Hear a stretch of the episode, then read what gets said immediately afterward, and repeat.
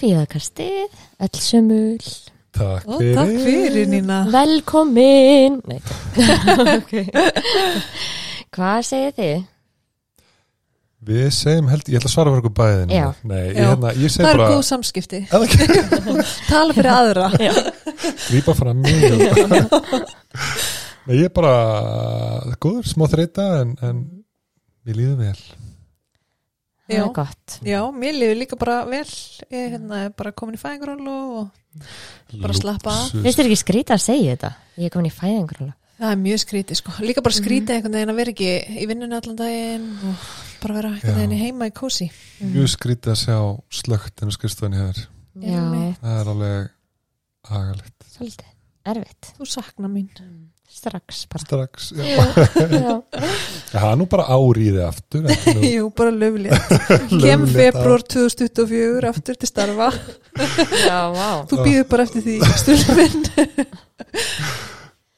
Já, þetta er alveg langa tími Já, að vera byrtu. já En takk fyrir að spyrja mig hvernig mér líður Já, þetta. Það er mjög góð samskipti.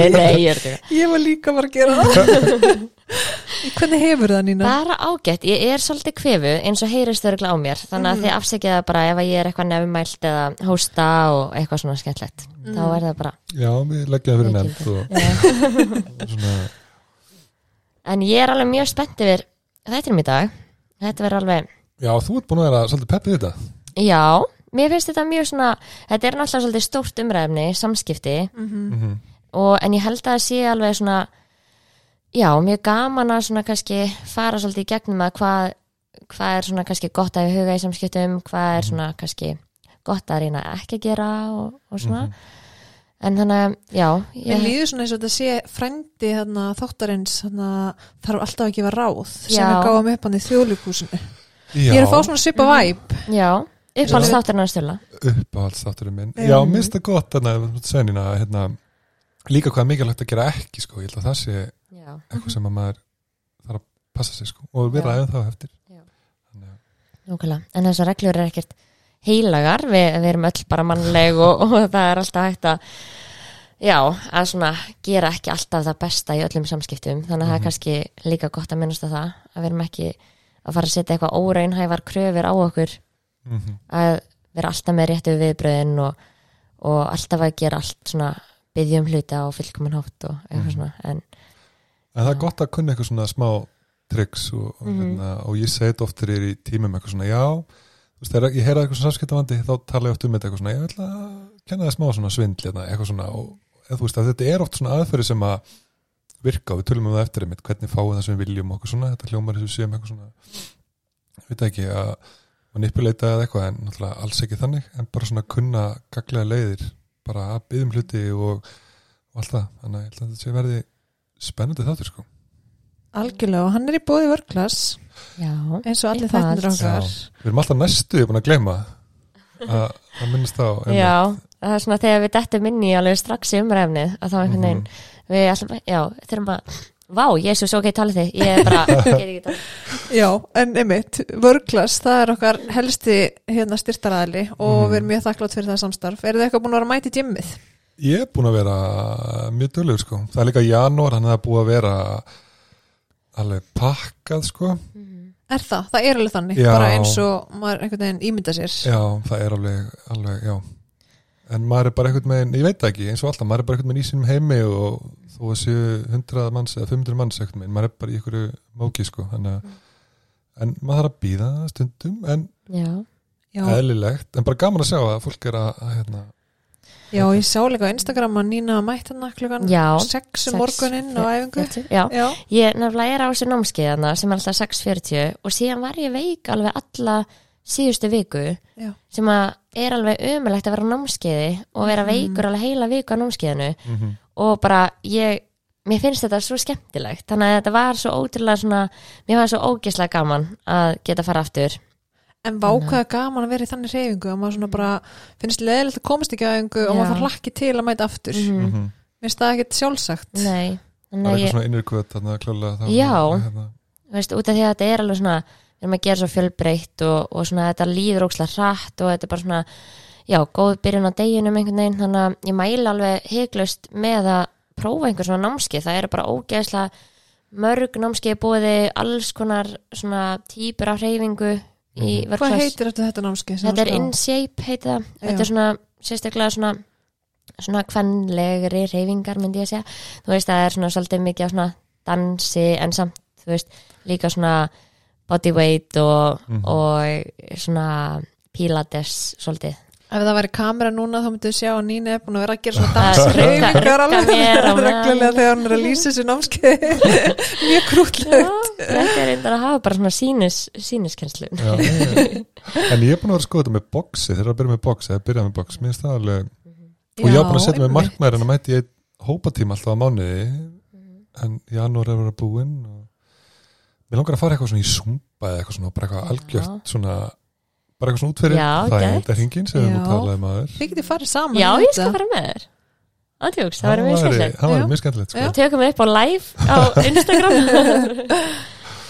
En ef ekki að demba okkur í Jú, jú, förum við dagskrána.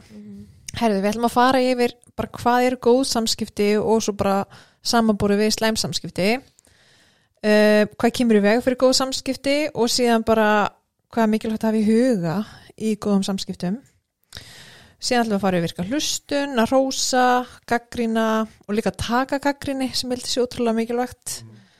Og svo að fá sinu framgeng þess að stulli koma að það sem er ekki að manipulita fólk þó maður fái það sem maður vil og síðan bara beðast afsökunar þegar maður gerir eitthvað rámt þannig að það er svona dasgrán okkur í dag Já, ég er bara að mista það svo mikið Já. já, ég veit ekki hvort þú komist yfir þetta allt saman Nei, en, en, við sjáum bara hvort þetta leiðir okkur Mhm. Já, og þá líka bara, þú veist, getum við kannski hérna sett í lýsinguna bara hérna um, umræðefnin, þú veist, og þá getur við fólk spólað bara áfram ef það vill hlusta eitthvað ákveðið eða eitthvað svona. einmitt En já, hvað eru góð eða versus slæm samskipti? Stulli, let's go. hvað eru góð samskipti Á, mér finnst það smá pressa Ég held, vilt þú ekki byrja að gata? ég held, ef, ef við njörum þetta niður bara í alveg bara eins einfalt og hægt er Mhm. að þá held ég að sé bara þegar ég er einhvern veginn að tjá mína tilfinningar Mhm. og er að hvetja mannskuna sem að ég er að tala við til að tjá sína tilfinningar Mhm. og er þá ekki einhvern veginn að hunsa ykkar tilfinningar eða einhvern veginn að reyna að segja ekki hvernig mér líður Mhm. alveg í grunninn Já, mér finnst það mjög góð lýsing. Sen sko Ég hef ekki hugsað þetta svona einhvern veginn áður. Það alveg að, já, að svona fá líka hina manneskuna til að tjá sig mm -hmm. finnst mér líka alveg líkill í þessu einhvern veginn að þú ert ekki bara einhvern veginn að fá þínu þú veist, svona þínu, uh, þitt, þú veist, já að bara svona að koma þínu skilabóðum á framfæri heldur líka að heyra hvað hinn manneskja finnst um það og líka kannski þá bara að leysa vandamál já, veist. einmitt Mhm. það skilur í staðan fyrir að vera í einhverju hjakki í einhverju árásum á milli fólks og, og svona ka kasta ábyrð á milli einhvern veginn einmitt að vera frekar svona að le- leysa vandan sem svona teimi svolítið saman, Mhm. þú veist Já. að því ég held að sé ótrúlega algengt að maður hugsi, maður er kannski búin að hafa eitthvað í huga sem maður vill ræða við einhvern sem maður þykir væntum og maður er kannski meira fókus á bara okkur, hvað vil ég fá út úr samtalenu Mhm. hvernig líður mér með þetta? En hunsar eða útilokar kannski þú veist, hliði viðkomandi eða tilfinningar viðkomandi. Þannig að leið og emitt, eins og segir nýna við erum farin að taka með að báðu að þá hljótu við að vera með góð samskipti. Já, ég held að þetta sé einmitt það sem þetta síðasti punkturinn sé svona mínumati þess að því ég hugsa um þetta að hérna, maður sé ekki bara í einhverjum einlega samskiptum, maður sé ekki bara að því að maður finnur það alveg strax þegar maður tala um mannsku hvort sem það bara í vinnunni eða utan vinnu að ef hún er að hlusta á mann eða ekki, Mhm. þannig að ef hún er að hlusta og með feedback og allt þetta þá held ég að það sé klálega bara merki um góð samskipti. Já, bara vill vita. Mér finnst alveg ávert, maður, eins og ég segi, eins og ég veist, maður tekur alveg eftir strax hvort að mannskinn hefur áhuga á því sem maður er að segja og er bara svolítið að hugsa bara hvað ætla ég að segja næst. já, emitt Og þetta er oft sem maður sé líka reyndar í félagskeiðanum, þú veist, að fólk er bara geðið með þetta um bara, heyrðu, fokk, hvað ég að segja, veist, það má ekki koma þögn og eitthvað. Og þá náttúrulega klálega við það áhrif á samskiptin, þannig að sem er leiðilegt, sko.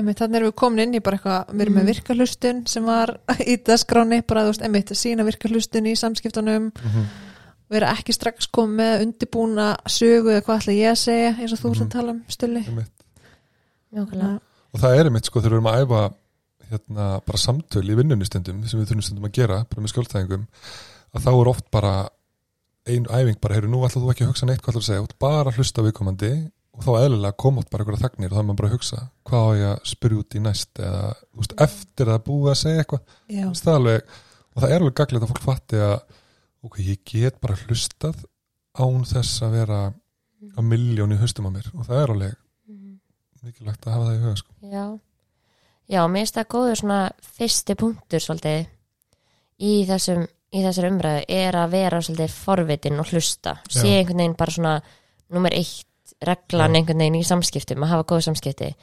Og svo, svo er veist, allt hitt sem að kemur ón á það er svolítið svona auka. Mm en já, svona til þess að virkilega að meðtaka veist, það sem einhver er að segja og, og fá einhvern skilning á því veist, þá getum við ekki verið bara strax að hugsa um hvað ég ætla að segja næst og ég man þegar hún að byrja, við tölum um þetta hérna í þættum daginn hjá okkur sem var að byrja þá voru við kannski að segja eitthvað Kata var að segja eitthvað og ég byrjaði svo bara að tala um eitthvað annað og ég man að við þurftum að tala saman til þátt bara eitthvað ok, nú var ég að segja eitthvað stili ég hef ekki að tala um það? Við vorum að tala um að grípa hvort annað betur Já. og umræfni sem var í gangi en ekki bara eitthvað, fara í næsta punkt Já. eitthvað, já, hvað ætla ég að segja þessum þætti?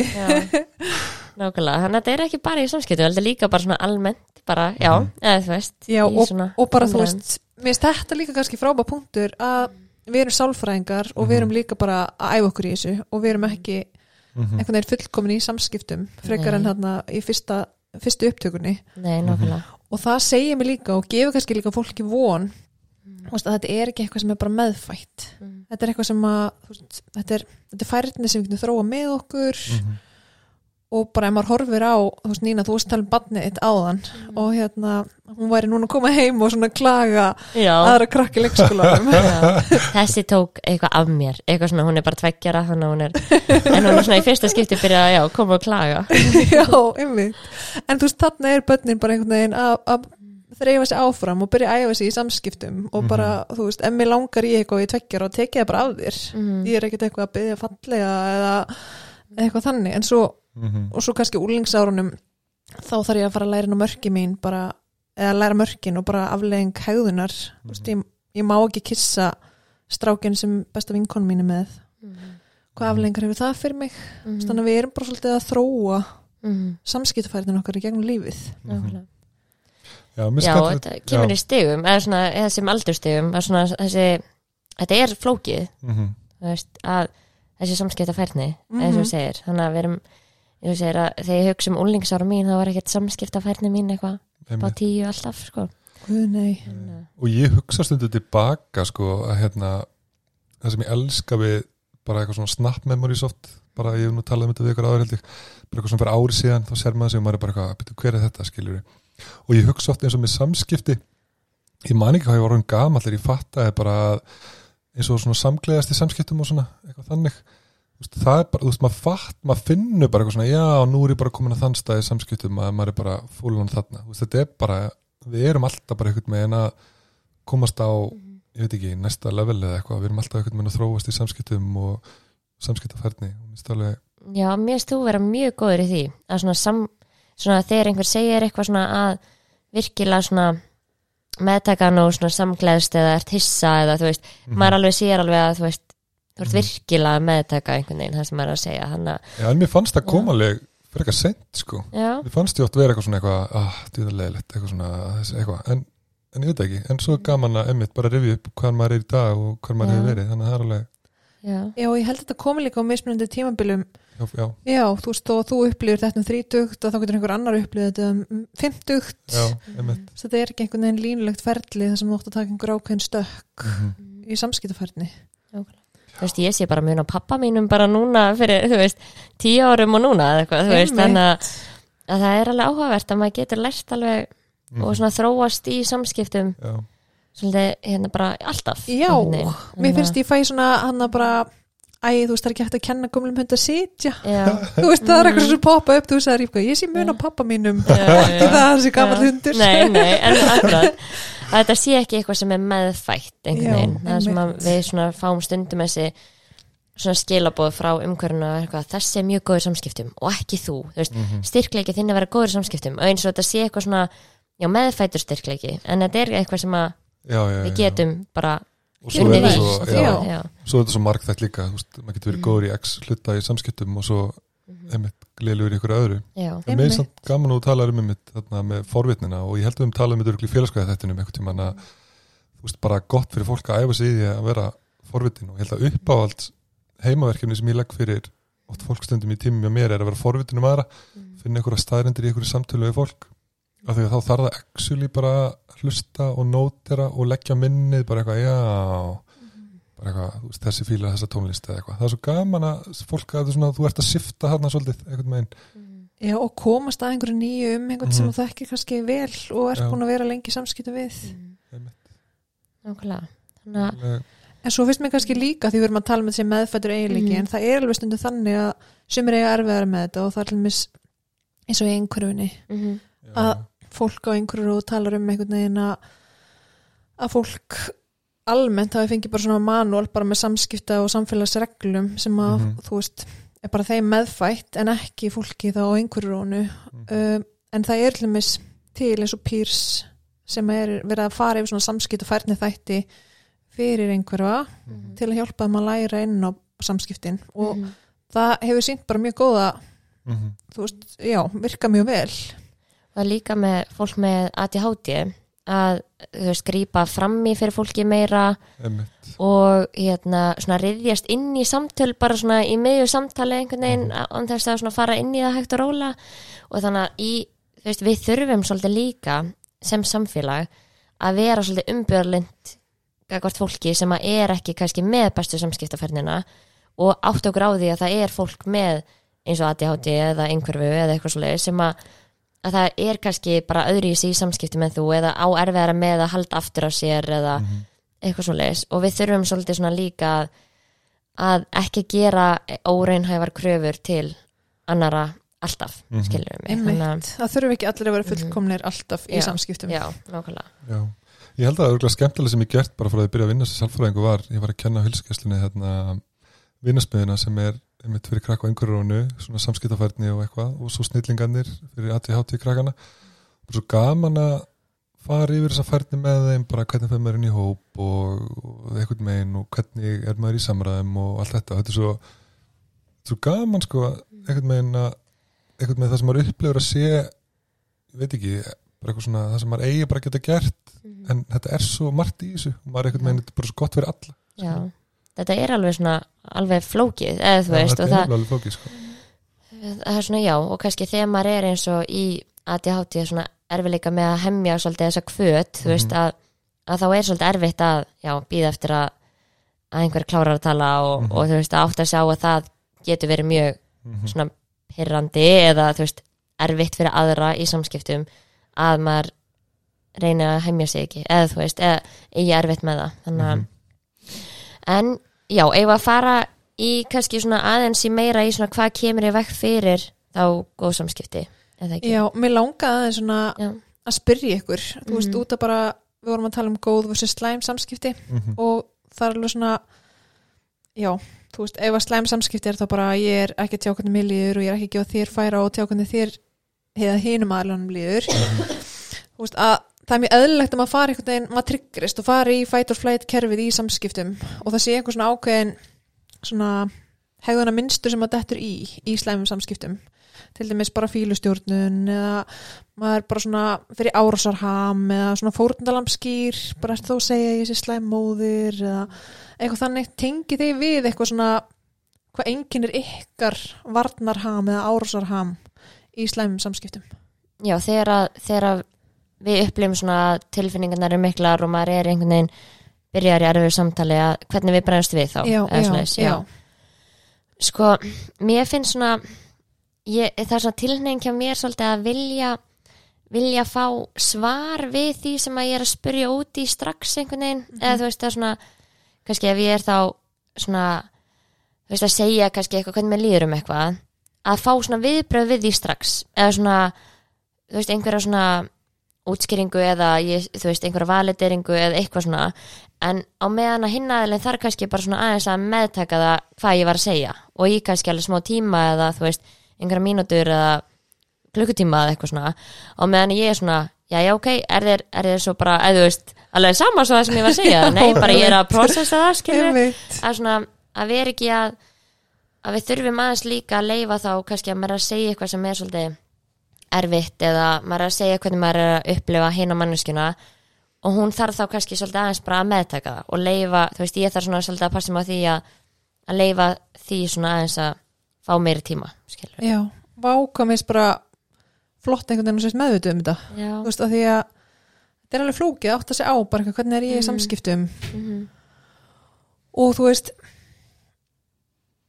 líka bara minni mig á að því uppbóls einhvern veginn kvótið þitt hefur verið veist, að gefa sér rými mhm, og ekki bregðast við tilfinningunni strax. Mhm, heldur einmitt að bara svona velja mhm. viðbræðið við Viðbragð, tilfinningunni. Já, það er bara svona kvótið sem ég hugsa um þig. já, nákvæmlega, út af því að þetta er eitthvað sem ég hef alltaf átt erfitt með. Ég hef alltaf verið svolítið svona hvatvís og óþólumóð og svolítið svona hérna.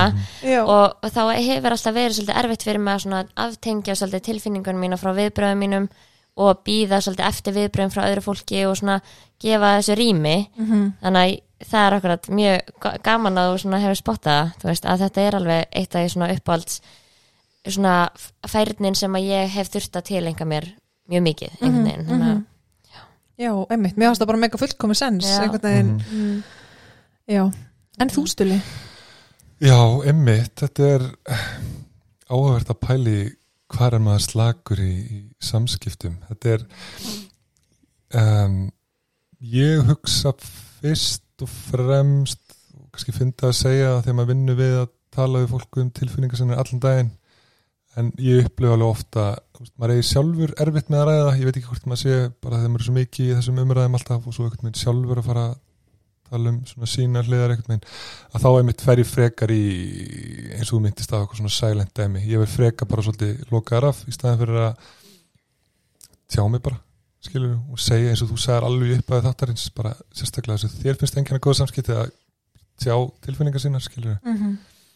og maður tekur það alveg til sín sko ég held að maður megi alltaf Mhm. bæta sig í því í staðan fyrir að detta í eitthvað svona gýr og halda að fólk viti hvernig manni líður sem að ég held að ég detti örugglega oftast í að einmitt maður bara svona fyrir eitthvað svona hugsanarlestur og heldur að fólk viti að auðvitað átt að vera svona eða eitthvað. En ég held að það sé svona mín örgla svona já, minn mesti held ég sem að kannski kikkar inn því ég færtur mesta skref hjá mér. Mhm. einmitt. Mm ég tengi nefnilega rosa mikið við þetta. Eða þú veist, ég er svona þetta meiri að vera passív. Eða þú veist, já, svona kannski ef það kom upp erfi samtöl að þá þarf ég svolítið, ég er kannski típan ef að ég og þú Nína værum að tala saman.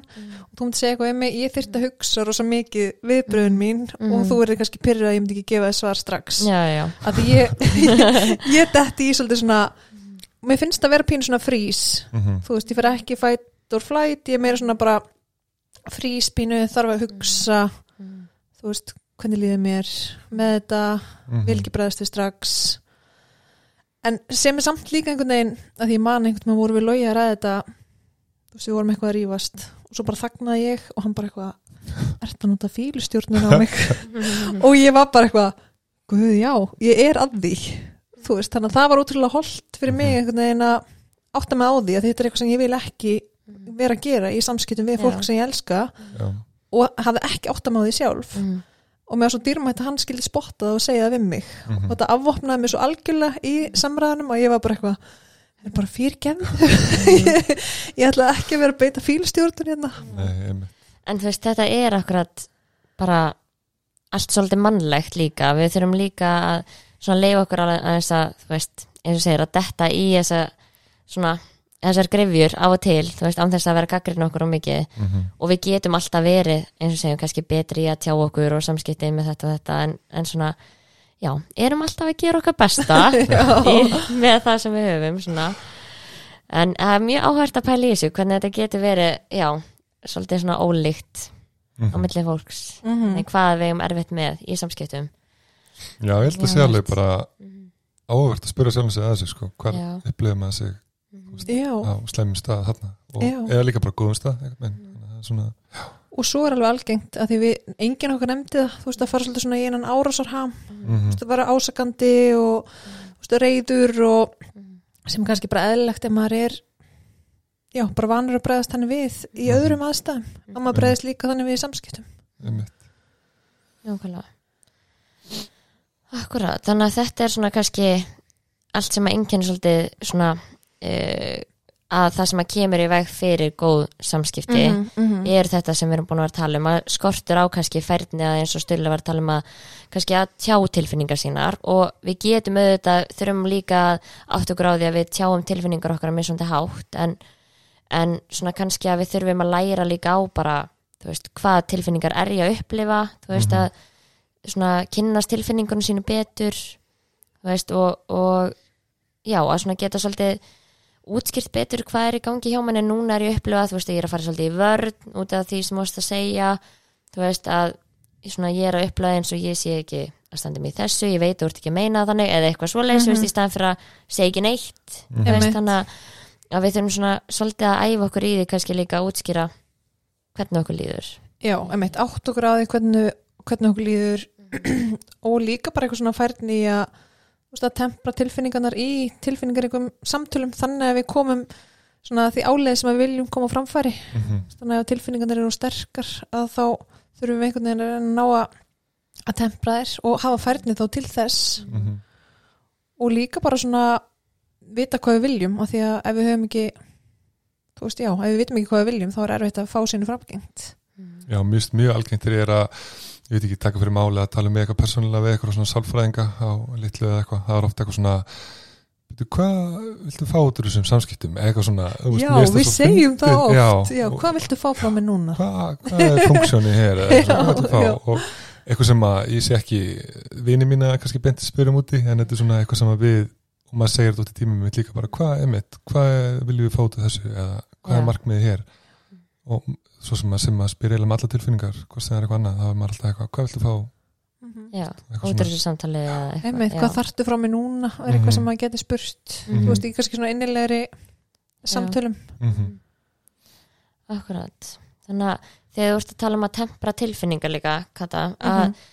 þá erum við svolítið kannski að tala um þá þegar að tilfinningarnar okkar eru mjög sterkar og þá í rauninni fer bara tilfinninga heilin okkar sem er mandlan, hún bara svona tekur svolítið yfir bara alla raukugsun hjá Mhm. okkur og þú veist, tekur yfir svona framheilan og framheilin fer svolítið í dvala og þá erum við ekkert rosalega svona skinsum og erum ekki kannski mjög mikið svona við sjálf, þú veist, persónleikin okkar kannski fer svolítið svona tilbaka og tilfinningin kemur í staðin svolítið reyðin eða, eða kannski, já, deburð eða hvað sem það væri, þú veist, í samskiptunum og þá getum við stundum sagt eitthvað sem við meinum ekki eða bröðust eitthvað mjög harkalega við eða eitthvað svo leiðis og það sem við erum þá að tala um að tempra tilfinninguna er svolítið að stundum þegar kannski til dæmis að reyðin er mjög mikil þá þurfum við bara að segja ekki neitt og stundum að fara bara inn á bað eða inn í herbyggi eða eitthvað. Út af það er bara betra heldur en að segja eitthvað sem er bara kemur út frá reyðin en ekki út frá þér sem það sem þú myndir aldrei segja Mhm. vanlega, skilur við þannig að, fólk vill svona, það er oft tala um þetta að við, við förum aldrei þú veist að sofa reyð eða þú veist án þess að leysa málin skilur svona pör. Mhm. en ég myndi segja að það væri mjög óhjálplegt að leifi ekki fólki að fá rými til þess að tempra niður tilfinningar sínar og þá að það þurfi kannski að tala um hlutina daginn eftir eða eftir tvo daga og setja bara hold á samtalið. Út af því að kannski er bara tilfinningarnar munu ekki alveg minka það mikið á einu kvöldi, skilur við mig að það eru bara það sterkar. Mhm. að það mun ekki vera eitthvað svona skinsamlegt samtal sem mun eiga sér stað klukkan tvö um nótt til þess að þið farið ekki reyða að sofa Mhm. eða eitthvað svona. Algjörlega. Þannig að- og þegar að tilfinningarnir eru sterkar að þá er líka svartíminn okkur svo stuttur. Þannig að við bregðumst við fyrr og erum minna við, við getum minnast aldra við og ákveði viðbröðun okkar sem var svolítið það sem við Nína vorum að tala um áðan. Að svona að velja viðbröðun við tilfinningunni í staðan fyrir að bregðast hugsanalust við henni. Já, Mhm. og það er mist gaman að nýna að tala með mitt að því að þetta er ekkit endilega alltaf bara eitthvað korti 20 mínútur, það er náttúrulega eftir bara eðli það sem það er að ræða. Og ég held ég að tekið þetta dæmur eitthvað tvisar áður en þú veist þegar maður fær eitthvað skilabóð eða eitthvað frá einhverjum hvort sem það er eitthvað, eitthvað staðar að hérna ég hef oft eitthvað svona ringt í kötu eða eitthvað vinn eða eitthvað eitthvað annað vinn og, og svona bara eitthvað ég er að fara að senda þetta tilbaka og ég held að Katta hafi nú ofta sagt eitthvað býttu korter. Eitthvað, og ég er eitthvað, það meni ekki breytast á korter, bara eitthvað alveg furious við erum ofta átt þetta samt Já, og ef maður finnur það bara eftir korter eða eitthvað, veist, þá er þetta kannski ekki það alvarlegt, ég það kannski ekki að sofa á því. Að eitthvað sem maður heldur að sé aldrei að fara að breytast svo er maður bara eitthvað, býtu var ég ég skrifa þetta fyrir korteri, sem maður er alveg vá þetta með enga sens, já, þannig að þetta er alveg klálega í sama hvað tilfinningir í gangi, ég held að sé oft bara mjög gott einmitt aðeins að býða þegar aukvöksun eins og Nínu var að segja þannig er ekkit endilega svona upp á 10,5 og það er Já. gott aðeins að staldra við nákvæmlega. þannig að að leifa líka þá fólki að svona taka sér þá pásuna veist, Mhm. ekki að vera eins og ég stundum og vera svona að vera kref, kref, krefjast einhver að svara strax eða eitthvað svo leiðist, heldur bara svona herri, já, takt, þú er bara fimm minútur hugsa þetta, þá bara ef þú vilt það og bara svo tölum við um þetta mm. þú veist, að leifa aðeins Mhm. svona, já, að við þurfum ekki að tala um hlutin alltaf í tilfinningunum okkar alveg, þú veist, það er ekki alveg uppskrift af góðum samskiptum. Nei, það geti leitt til slemra samskipta. Já, mér finnst líka bara að við gleymum langtíma markmiðunum okkar. Mhm. Þess, það er oft svona skamtíma markmið sem að okkur finnst mikilvæg í mómentinu eins og bara hafa rétt fyrir okkur. Mm. við getum kannski verið að eiga samtal við ykkur og ég bara já það skiptir mig máli að hafa rétt fyrir mér og er bara mjög hörð kannski í þessum samskiptum. En gleymið þá kannski langtíma markmiðinu sem er að halda í vinóttun okkar vera með þetta podcast. Og veist já, nákvæmlega, já. Mjög góð þetta, já, ég upplifi þetta finnst mér oft einmitt í vinnunni með, með skjólstæðingum að þau eru rosa föst í svona skamtíma bara eitthvað Mhm. sérstaklega þetta, þarf að hafa rétt fyrir mér. Mm og svo oft kemur eitthvað upp á með vinskapin eða eitthvað af því að maður er með þessi skamtíma markmið í einhverjum samræðum sem skipta ekki endilega máli og þá gleymir fólk einmitt. Mér finnst þetta geggjaða punktur sko. já, og getur Mhm. verið einmitt bara með miklum afleggum, maður getur mist eða mist vinnuna. Mhm. og maður þarf svolítið að velja baráttuna sínar og bara hvað skiptir mig máli já, í framtíðinni. Já.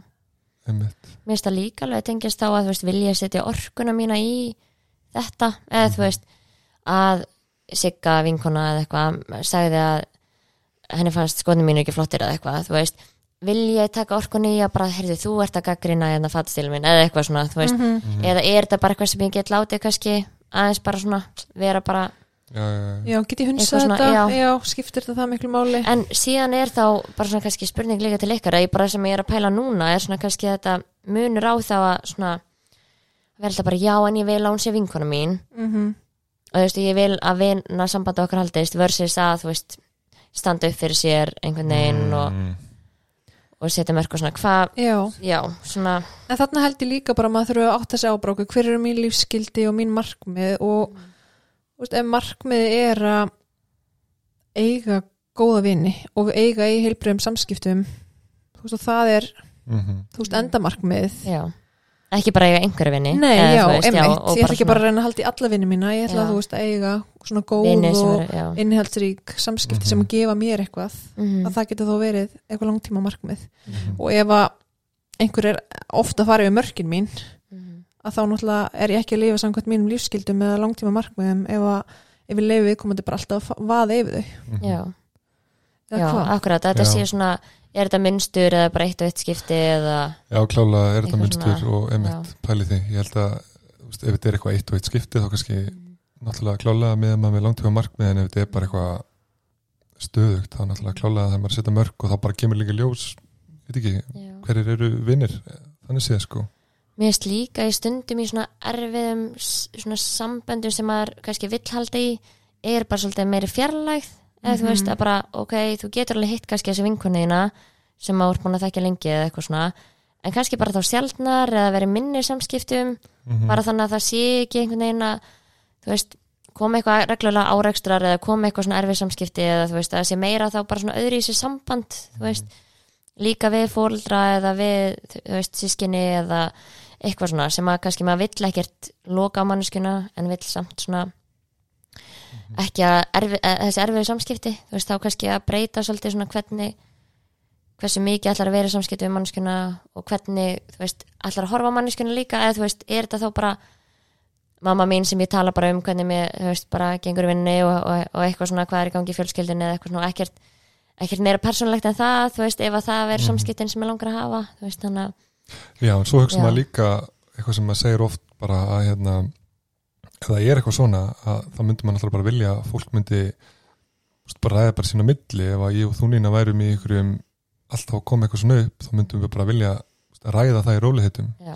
og bara svona, heyrðu, þetta er alltaf að koma einmitt svolítið eins og við ætlum að tala um eftir þú veist, að fá það sem við viljum út úr samskiptum í rauninni þá getum við tekið einmitt bara þarna eins og við lýsum að þess eftir lístaðarindum og bla, hvernig okkur líður með það og allt það og tekið svolítið þá umræði, myndi ég held að væri líka Já, að bara leysa vandan ef það Já. er einhver vandi, já, Einmitt. einhver ákveðin svona vandi sem er hægt að leysa, kannski, já, -hmm. og mér finnst þetta svo góð punktur hjá okkur báðum að því að þú veist, ef það kemur upp eitthvað vandamál þá er svo mikilvægt að ræða það og það er kannski mikilvægt að ræða það oftar en einu sinni. Menna mannskeppna þarf endurtekningu til að læra hluti og maður þarf að gefa fólki rými til að melta og, og bæta sig.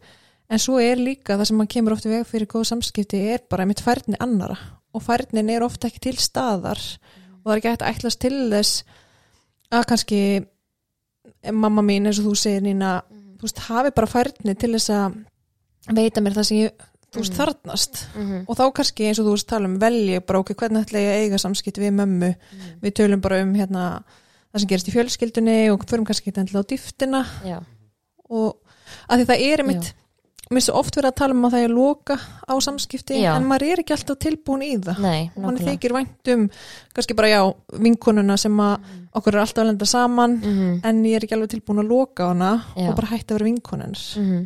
Þannig að það þarf ég bara svona eins og þú segir að ákveða, þú veist, hvað hvað veit ég ég fæ ekki frá þessu Mhm. sambandi einhvern veginn, eða þú veist, út úr þessu sambandi einhvern veginn og hvað, hvað vil ég halda þú veist, Mhm. áfram, eða svona, já, hvernig vil ég að sambandi sé, Einmitt, að með maður- því að já. virða mín mörg og mín gildi já, en ekki missa sambandið. já, nákvæmlega Já, mér finnst maður að sjá þetta eins og þú talar um eitthvað svona að loka á mér finnst maður að sjá þetta oft hjá svona yngri og lingum og svona að það kemur eitthvað upp á að þá bara eitthvað svona komið nýr vinur bara í staðin já, maður er eitthvað er ekki hægt að leysa þetta bara? Eða þú veist, þetta Já. er svona oft þessi lenska bara eitthvað svona að það sem enginn alltaf góða vinóttu er að fara í gegnum eitthvað rugglu og fara í gegnum það og þú veist, ef maður hugsa um sinni í dag þetta er alltaf eitthvað fólk sem maður hefur alltaf verið bara bestu bestu vinir, það koma bara hæður og læðir. Já, þannig að það er akkurat að það fylgir alveg bara samskiptum og samböndum erfileikar líka. Mm um, en já, svo næsti punktu Já, það er raunin bara eins og ég kom inn á áðan að aðrir geta komið veg fyrir góð samskipti og þeir eru ekki með færnina. Svolítið eins og. Stulli var að tala um. Þú veist, að leysa það en svo er ekkit alltaf hægt að leysa það. Ef fólk, annað fólk hefur ekki færnina já, sem að þú kannski hefur. En svo fannst mér líka og mér langaði þess að bæta inn ég held að dagsformið hafi líka rosa mikil áhrif á samskiptufærnina manns. Maður er kannski grunninn með góða samskiptufærni en svo kannski bara séu maður illa eða er bara hangry ekki búin að borða neitt. hvað ég tengi við það maður. bara svona viðkvæmnist þættir sem að gera mann já, viðkvæmar fyrir samskiptum. Eða bara, þú veist, maður er búin að rífast við manni sinn fyrir morgunin og kemur eitthvað upp í vinnunni og maður er bara einhvern veginn valtari og stendur ekki eins vel á velli Mhm. í aðstæðanum nákvæmlega. Þannig að já, veist það kannski líka. Já, Mér finnst alveg á því að sérstaklega þegar við vinnum basically við samskipti allan tæðin þá finnum maður þetta svo ógislega mikið að maður sefur illa. Svo í nótt sá ég ekki vel að stráka mig á lasin og ég bara já, ég held ég að nú staðið mér samt alveg vel í dag en, Já. en þetta er samt alveg ég veit að ég gæti verið betri eða svona, betri, já, maður finnur það alveg og hérna, sem er samt líka bara fínt að bera kennsla á það, þú veist að hérna, en maður vill samt alveg vera já. alveg 100% alltaf sérstaklega í svona vinnu, maður Já. geta verið alltaf en það er ekki raunhæft þá þarf maður að sína sér mildi. Mm, en þetta er samt, já, maður er alveg hérna, þarf svolítið að huga þessu ef maður er kannski líka að lenda kannski í samskipta erfileikum oft eða eitthvað svoleiðis að kannski byrja þá að huga fyrst og fremst að söfninum og matar, eða þú veist, ert að borða reglulega ertu, þú veist, að sinna þörfunum þínum ef þú ert til dæmis alltaf að verða bara mjög reyði við makaðin eða í bönniðin eða eitthvað svoleiðis þá er það kannski bara út af því að þínar grunnþarfir eru bara ekki uppfylltar þú veist, þannig að byrja á þeim og síðan að vinna í einhverju flóknara, þú veist, þannig að mér finnst það oft vera mjög mikið, já, bara mikið svona aðalatriði. Já, ég held að það sé mjög mikil, að, mikil að, aðalatriði þó Já. maður sé ekki endilega eitthvað svona já, góði samskipti, mert að borða. En, en í alveg tala, ég held að það sé bara klárlega bara Mhm. grunn, grunn dæmið sko Já. til þess að vera á góðum stæði þessu sko. Ef við þá fara í næsta punkt mm Mhm, mm Þannig að hvað getum við gert til að vera góð í samskiptum? mhm. Skemmtilegt. Já. Þannig að hvað myndið þið segja svona fyrsta væri kannski í því. Sko, við erum ekkert búin að fara yfir margt hérna, og ég sé það bara strax þú veist, fyndi eitthvað svona nota orðin svo markmið og allt þetta. En við tökum þetta fyrst hérna hjá okkur að vera með skýr markmið og við erum held ég alveg búin að tala um það bæði skamtíma og langtíma markmið. Það klárlega einkennir. Ég held að sé alltaf gott að hafa því í huga. Já, þannig að þegar þú ert að fara í einhver samskipti mm þú veist sem eru kannski svolítið svona stór samskipti eða eitthvað svona einhver Mhm. ákveðna umræður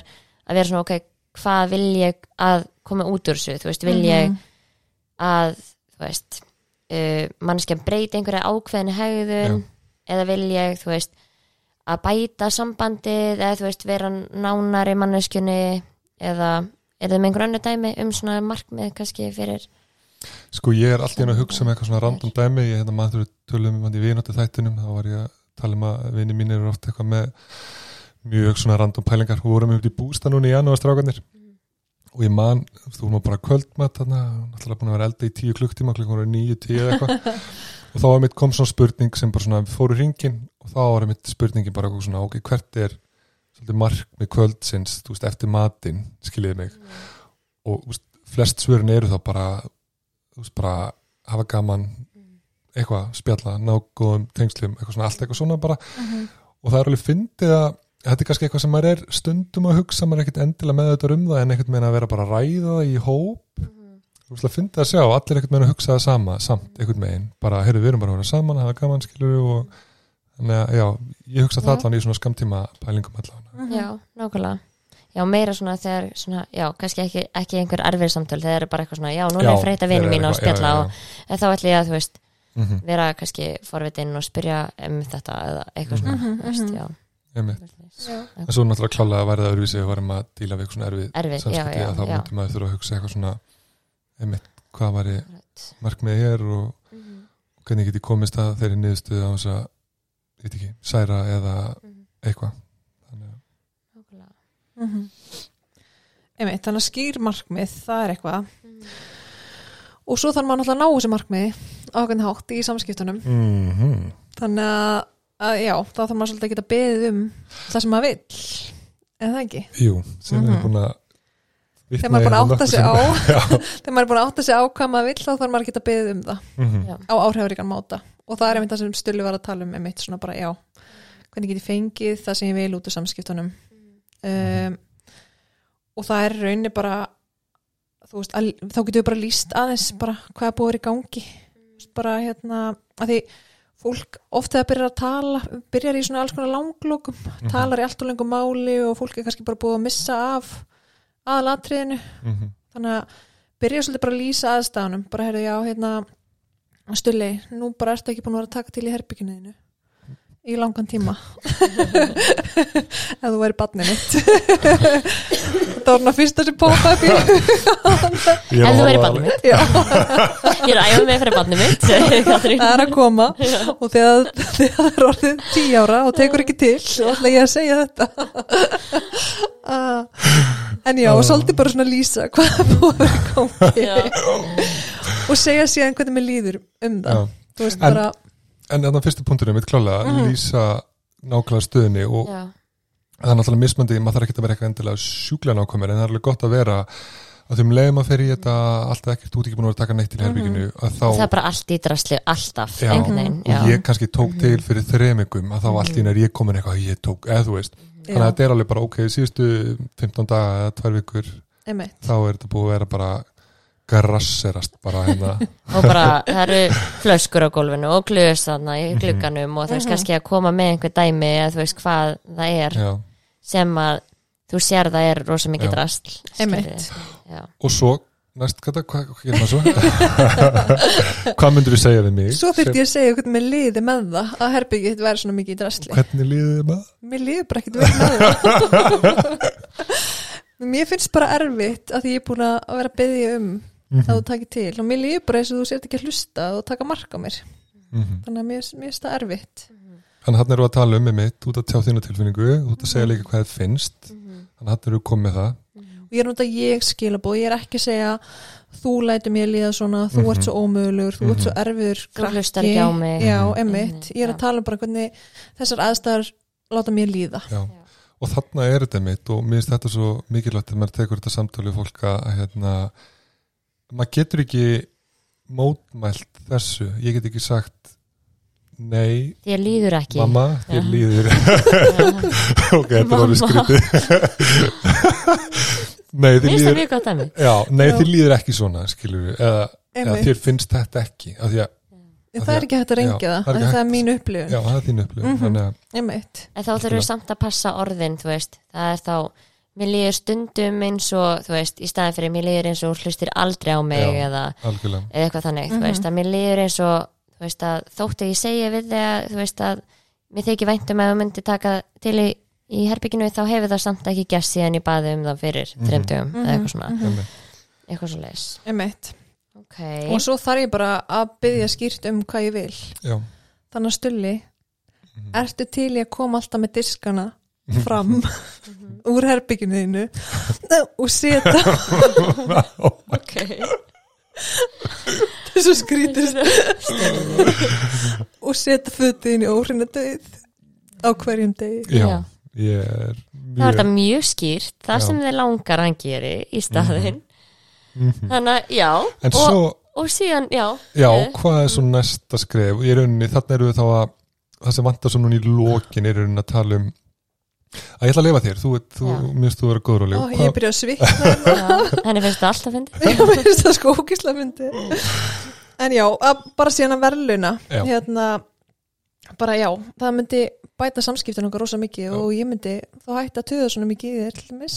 Einmitt, Þú veist að, já, hérna, mér líst vel að þú er ekki meiri finnst það já, það er ég held Já. að samskiptin okkar eru betri ef Mhm. að þú erir duglir Já. að taka til, að myndi gera þetta á hverjum degi Akkurat, þá ertu bara mjög skýr ekki bara að segja það sem þið finnst vera að heldur bara nákvæmlega hvað þú myndir vilja í staðinn og það Mhm. er, allt, er oft svona Mhm. það sem vantar svolítið í þessum erfiðu samskiptum eða svona þegar maður er að byggja um það sem maður vill þá förum við Já. staðan að segja það sem við viljum ekki mm en það var mjög mikilvægt Já, að koma með þú veist, hvað vilja þú gerir ef þetta væri bara í samskipti við maka þú veist, ég myndi vilja að þú myndir þú veist, spurja mig hvernig mér líður þú veist, þegar að hvernig vinnan var þegar ég kem heim úr vinnunni eða eitthvað Mhm. svona og hafa svolítið skýrt Mhm. þú veist, í stað fyrir að vera bara já þú, þú ert aldrei að pæla hvernig vinnan mínar eða eitthvað svona þú veist, heldur að segja svona nákvæmlega hvað þú myndir vilja að væri öðru í sig við getum ekki, við erum misjöfn með bara hvernig við tjáum, þú veist, ást og allt þetta.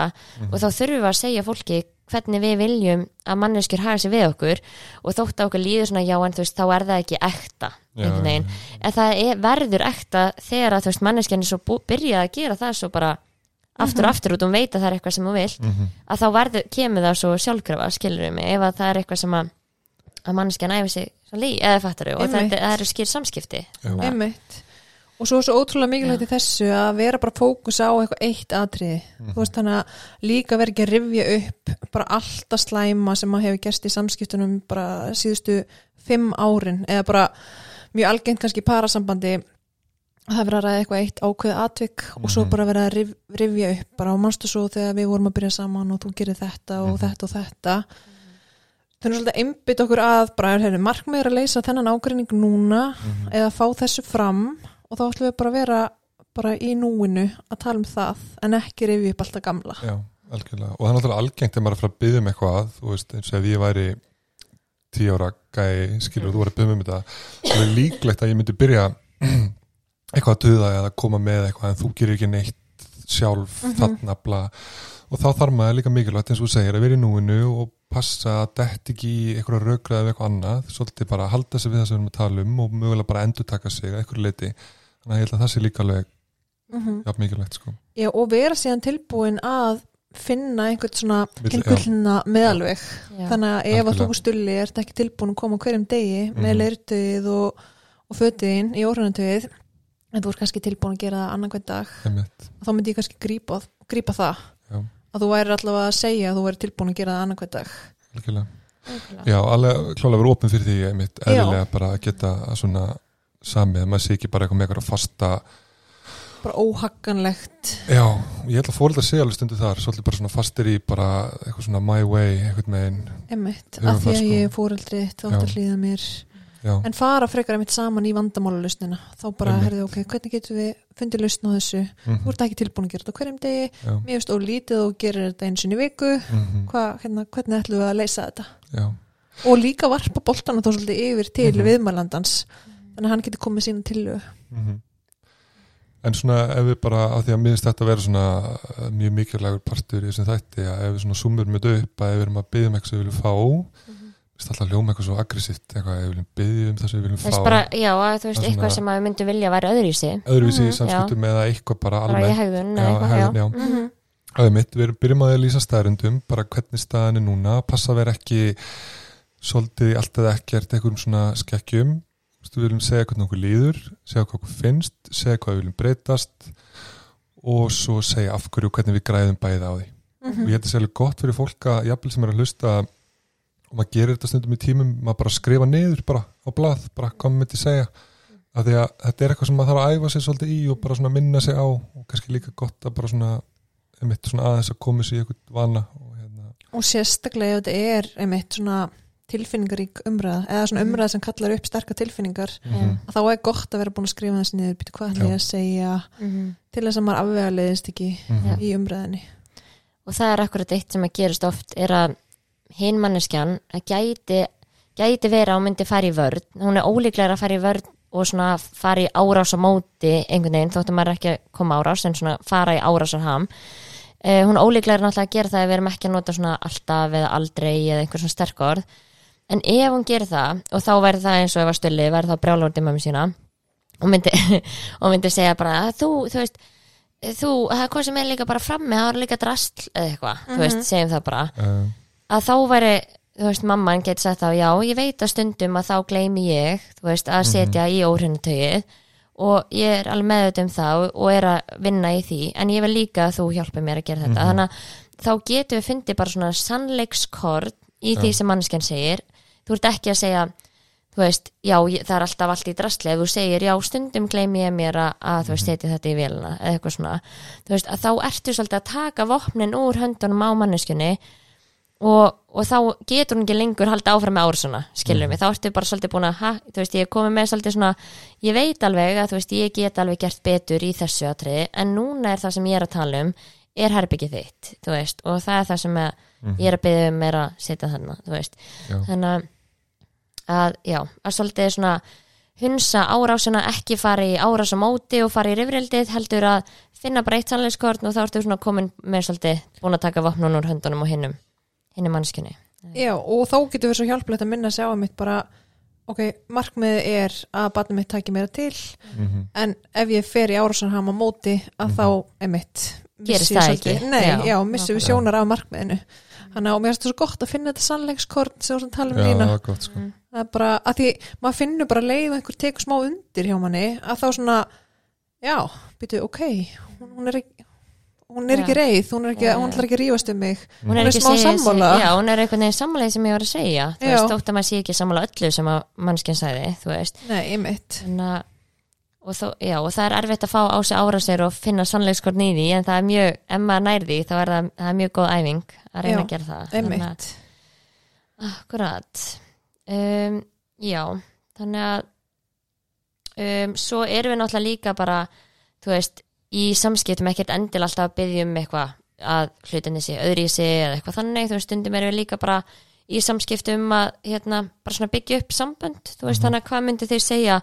Þú veist, bara í almennt í samskiptum þar sem maður er bara svona að reyna að halda tengslum, byggja upp tengsl og svona, þú veist, kannski eignast vini eða eitthvað þannig, þú veist, hvað hvað svona atriði finnst ykkur þar skipta máli Ég held að það sé bara svolítið sem við erum búin að fara yfir. Einmitt að, þú veist, sína áhuga einlegan áhuga, spurja aðra vera líka bara svona blíðilegur og ljúfur í fasi ekki eitthvað svona aggressífur og bara svona það sem við sálfræðingar náttúrulega gerum rosa mikið í okkar meðferðartímum að valitera tilfinningar annara þú veist að segja bara hérna já ég skil að þetta sé erfitt fyrir þig ég sé, ég sé þú ert upptökin eða bara svona viðkenna upplifun annara í samskiptum. Það lætur fólki líða rosa vel. Mhm.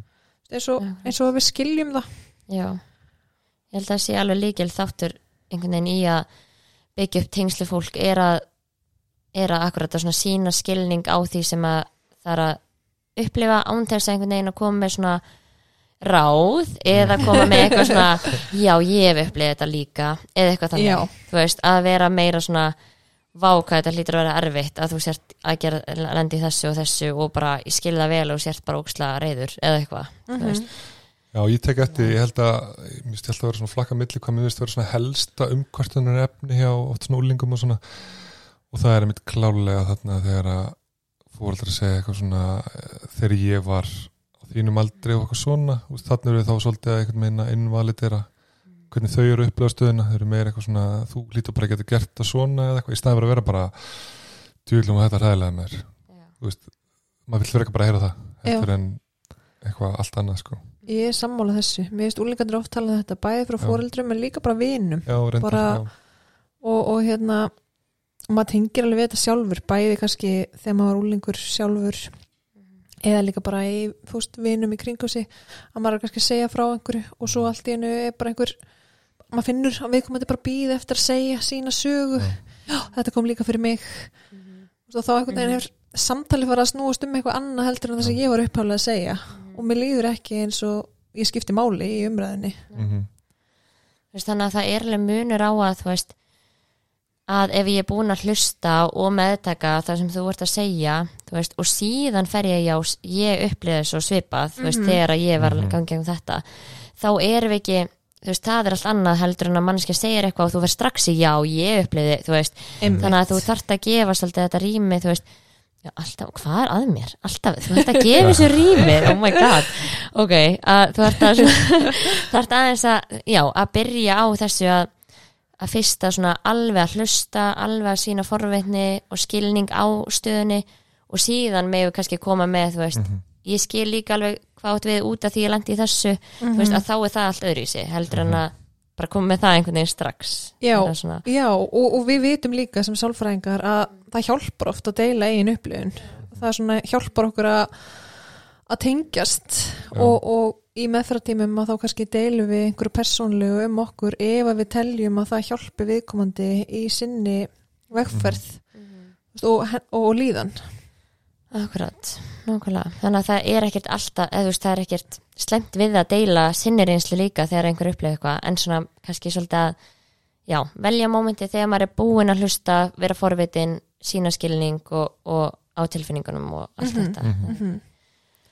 um, en síðan er kannski svona líka rósa, þú veist, fólki það er oft mjög gott svona þú veist að hérna, taka eftir því sem fólk gerir vel þú veist, Einmitt. og, og svona innlaganhátt veist að það getur oft hjálpa svona að mynda tengsl og viðhalda tengslum og svona Já, stulli er náttúrulega frábæri þessu með Já. bara hvernig á að rósa krökkum. Mm, Já. Því að henda boltan með því að ég veit þú hefur mikið að segja. með, með að rósa Já, Já er ekki þetta svolítið svona rósa fyrir hegðun? mm Jú, þú bara og, Jú, það stefnir náttúrulega dóttum bara inn í, inn í jákvæða svörun Já, skilur já. og, og hérna þú veist, maður er náttúrulega í grunninn sem barn úlingur maður svo sem veit ekkert hvað er ætlast til að manni og þá sérstaklega í samskiptum.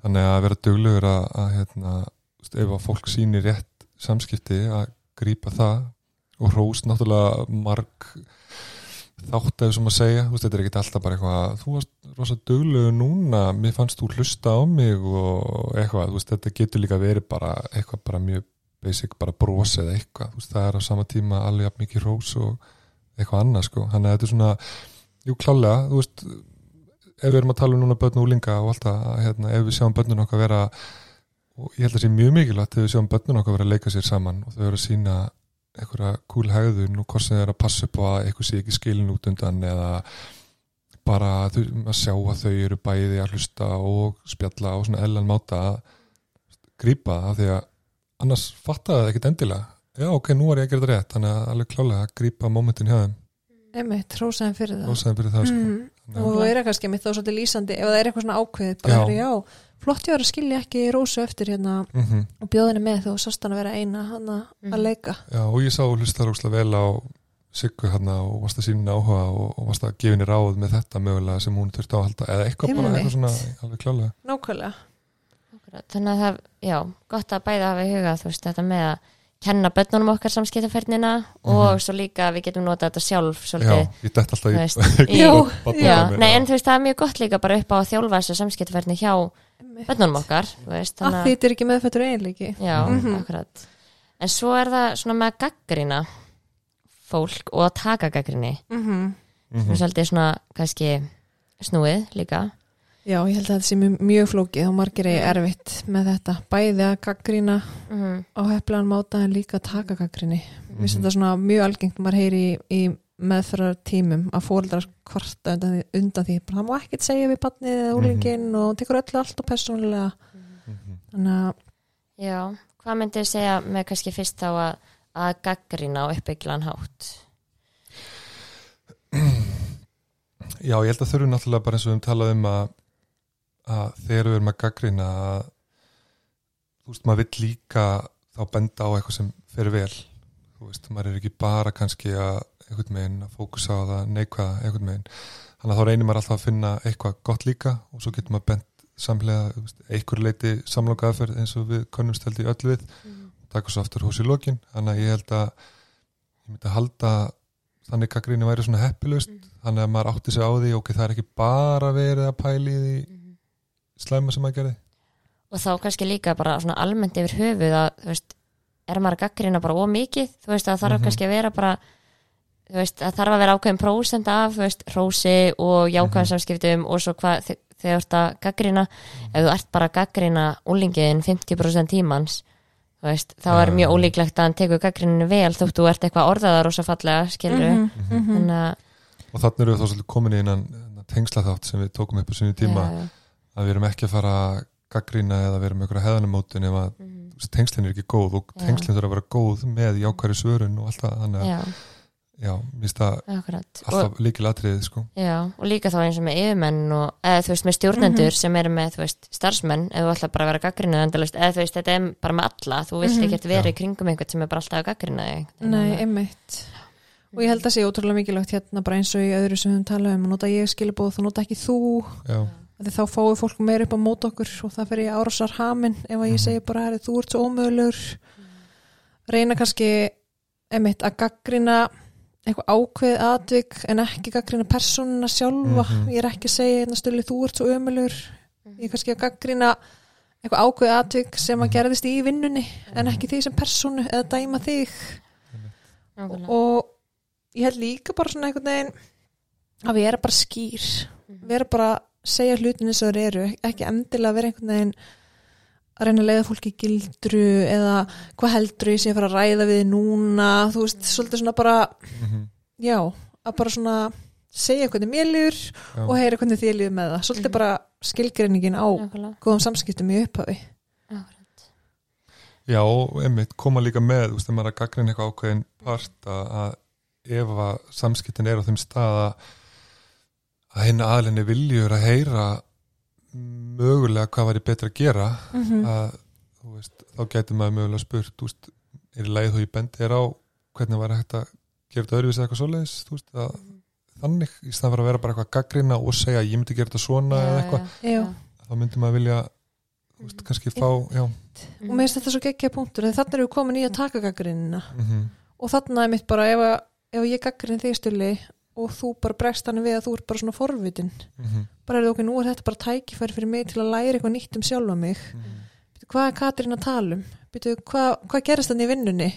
Þú veist, Já. að að- að vilja læra eitthvað nýtt um sjálfa sig og vera forvitin án þess að ætla bara einhvern veginn að láta vaði yfir sig og samþykja að það sé eitthvað ræðilegt að manni. En bara já, að taka gaggrinni með forvitni. Já, ég held að það sé Einmitt. rosa mikilvæg punktur. Já, já. Og líka með það sem þú segir áðan þegar að fólk er að gaggrina mann að þú veist, sérstaklega þegar það er svona hjálpa að það er orða ákveðin hátt en þú veist, að taka því að það er að gaggrina eitthvað sem maður gerði en ekki mann sjálfan sem mannesku mm -hmm. þú veist, að mér veist svona að það sé oft kannski hjá fólki svona þessi tendens að svona hún er að segja að ég sé löð út af því að hún er að gaggrina mig fyrir að ég glimti að skila þessu inn eða eitthvað í vinnunni. Ég er bara að reyna að finna eitthvað dæmi. Mhm. en nei, hún er bara að segja að þú veist, þú glemdir að skila þessu inn í vinnunni, bara getur þau reynda að munna aft, eða þú veist, næst eða eitthvað svona. Þannig að þú veist, ekki að setja þessa merkingu yfir í einhvern veginn að þetta skilgrinni þig sem mannesku eða eitthvað svoleiðis. Ég held að en það skiptir líka ókslega miklu máli bara svona held ég kjarna við þór fólks. Mhm. bara ef ég er ekki nú klár eða ég er heimskur eða eitthvað svo leiðis og ég finn það svo oft þegar það eru kannski nemar í vinnunni með manni að, hérna, sem sitja kannski inn í viðtölu með eitthvað hjá manni og maður spyr eftir viðtali eða eitthvað hvað hefði mátt fara betur eða hvað finnst þér? Að vera opinn fyrir því bara læra af öllum einhvern megin að þetta er svo mikilvægt að að því að ef það kemur eitthvað gaggrinni og maður er mögulega með það viðþorf eitthvað svona, "Á, ég er ekki nóg góður inn í vinnunni að þá mögulega er maður meira líklegur til að tryggjarast að þá þarf maður kannski að fara að skoða það veist, hvað er það með viðþorfi mitt sem er að viðhaldast og er að viðhalda þessum þáttum og þá þarf maður að fara að gera auðvitað það bara þú veist, reyna einmitt að vinna eitthvað meginn í því sko. Já, og mér finnst þú mjög góður í þessu stölu mér finnst þú alltaf einhvern veginn ég er alltaf, ég nú er ég mjög meðutum, ég nota alltaf og aldrei mjög oft. Að því við erum að segja við um ekki að gera það í góðum samskiptum. Stundum en mér finnst þú vera mjög svona mótiverðar að læra nýja hluti sjálfa þig og læra af öðrum og vera að spyrja býta okkur, hvað mætti betur fara? Þú veist, ef þú ert í ræktinni og einhver er bara, herðu, já, og hérna, réttu betur úr þér og, og myndu að einangra bísepin betur með þessari hérna aðferð þá ertu bara, herðu, já, takk. Þú veist, nú lærði ég eitthvað nýtt, nú lærði ég eitthvað um sjálfan mig. Mhm. og ég er ekki búin að vera einangra bísepin og mikið, Mhm. það segir ekkert um mig sem personu já, já, og já, þetta er en það er, eða, þú veist, mér það líka áhugaverð svona nálgun á þessum þætti er að þú veist, eða á þessu umræfni er að við þurfum líka að kannski verða betri í samskiptum með því að vinna í sjálfsmandin okkar já, Mhm. það er endar já, sem að er svona að fara þá í þá vinnu ef að það er kannski, ég er alltaf að bara finn rosa mikla höfnun og finn rosa mikið, þú veist, allir sé alltaf bara ráðast á mig einmitt, og þá bregst ég úr slítla við og þá bara einhvern veginn er ég alltaf bara að hætta í vinnunni og eitthvað, þú veist hætta að vera vinkon einhvers og eitthvað svona þá þurfum við bara að vinna í því, þú veist, það er þá kannski aðalvandin, og bara einmitt af hverju þarf ég alltaf að hafa rétt fyrir mér og allt þetta, þú veist, hvaðan kemur það einhvern megin, af því að Já. við getum klála unni með eitthvað svona samskiptadæmi jú, um bara eitthvað að hlusta og vera forvitin en á sama tíma það er mögulega eitthvað svona grunn viðhorf sem að við þurfum eitthvað að skoða og vinna með klála, ég held að Nákvæmlega. Um, eigum við þá kannski að fara í síðasta punkt með að, svona afs, að -hmm. Er það ekki svona kannski síðasta sem við erum eftir að Jú, tekla er það ekki. í tengslu við svona þessi svona erfið samskipti eða þannig? Mm -hmm. þannig að já, Mér finnst svona kannski gott að spá bara hvernig ætti maður ekki að byggðast afsökunar af því að, já, ég held að það sé já, ég held að við sé að því mér. En já, og þú veist, það er svolítið bara svona ef þið líður vel með þess að þú gerðir Mhm. þú veist, þú bara stendur með þinni ákvörðun og, og það sem að þú, þú er, já, þú er bara sátt með sjálfa þig að þá ættur ekki að byggðast afsökunar. Og við erum oft með hann tendens að svona á ennsku over apologize að byggðast afsökunar ítrykkað um, sem er í raun óþarfi. Mhm. og ekki byggðast afsökunar líka að þú ætlar ekki að breyta hægðuninni þinni. Já, þannig að þú ætlar að gera sömu hægðun aftur að þá er líka óþarfi að byggðast afsökunar. Þú veist, af því að þú ætlar ekki að breyta þér Mhm. eða breyta hægðuninni þinni eða læra af mistökunum. Einmitt. Og líka bara ef einhver miskilur þig að það er bara lægi að fólk miskilur þig. Já. þú veist, þú, þú þarft ekki að fara í gegnum lífið þannig að að passa já, já, að þú settir rétt skilin af öllum. Fólk má miskilja þig. Já. Og það hefur ekkert með þig sem persónu að gera þó að aðrir miskilja þig. Já, akkurat. Mér finnst það að því að mér finnst við, ég held að við erum örugglega oft rætt þetta bara alls saman eitthvað svona eitthvað já, einmitt ég held ég þurfi bara að afsaka þetta eða eitthvað, Mhm. en, en eins og þú segir einmitt, ef ég ætla að mögulega bara að gera þetta aftur og ef þetta var bara einhver miskilingu sem að eitthvað, þú þarf ég þá að gera einhvern veginn, mér finnst það þetta er að fyndin byrjun á þessari umræðu. Já, akkurat. þarf því að það eru margir sem að byggjast ítrekka afsökun. já. já, það eru yfirleitt kannski meira trendi þá átt allavega Mhm. hjá svona skjólstæðingunum okkar og svona frekar heldur en að byggast og sjaldan afsökunar. Einmitt. En svo líka þegar maður kannski vill byggjast afsökunar og vill að svona kannski einhver er í miklu uppnámi gagvart manni þú veist, þá er mjög mikilvægt að kannski líka taka alveg fulla ábyrð á því sem maður getur tekið ábyrð á og þú veist, það er ekki þá já, mér erst bara, já, ég byrst afsökun á að því líður eins og ég hafi skilið út undan eða eitthvað, Já. þú veist. Og þá er það, nei, já, ég byrð þú veist, ég byrst afsökun á að ég hafi ekki spurt þig þú veist, hérna, villu koma með okkur þú veist, þangað? Og hérna það er leðilegt ég hafi ekki spurt þig að því, skilur mig, það er allt annað heldur en já, ég byrst afsökun á því að því liði eins og já, að ég hafi skilið út undan Já, þannig að námskeiði Já. já. Já, það var Var fyrir Helga Braga í lokin Já. bara eins og þið bara beðist ásökun og þessu og þessu og þessu og er kaka þannig að horfið bara þannig skets og þá er þið bara eitthvað mál. En ég Já, held já. einmitt bara já, svolítið að vera innlegur og segja hvað maður gerði rámt og taka fulla ábyrð eins og Nína var að tala um og hérna, já er það ekki bara svona aðalmáli með að byggast afsökunar eða þú veist, erum við ætlum við að fara ég flækja það meira fyrir fólki eins og námskeiðina Nei, en mér Nei, ég hættur Ég er ég að setja gott? Er það ekki já, bara? mér Já. finnst þetta bara alltaf að við, ég held að, já, við náðum að kofera svona flest öll svona þessi erfiðu samtöl sem maður þarf að eiga og líka svona, já, hvernig við reynum að viðhalda tengslum og svona Mhm. þannig að, já, ég er bara mjög ána með okkur. Takk fyrir okkur Takk Thank you.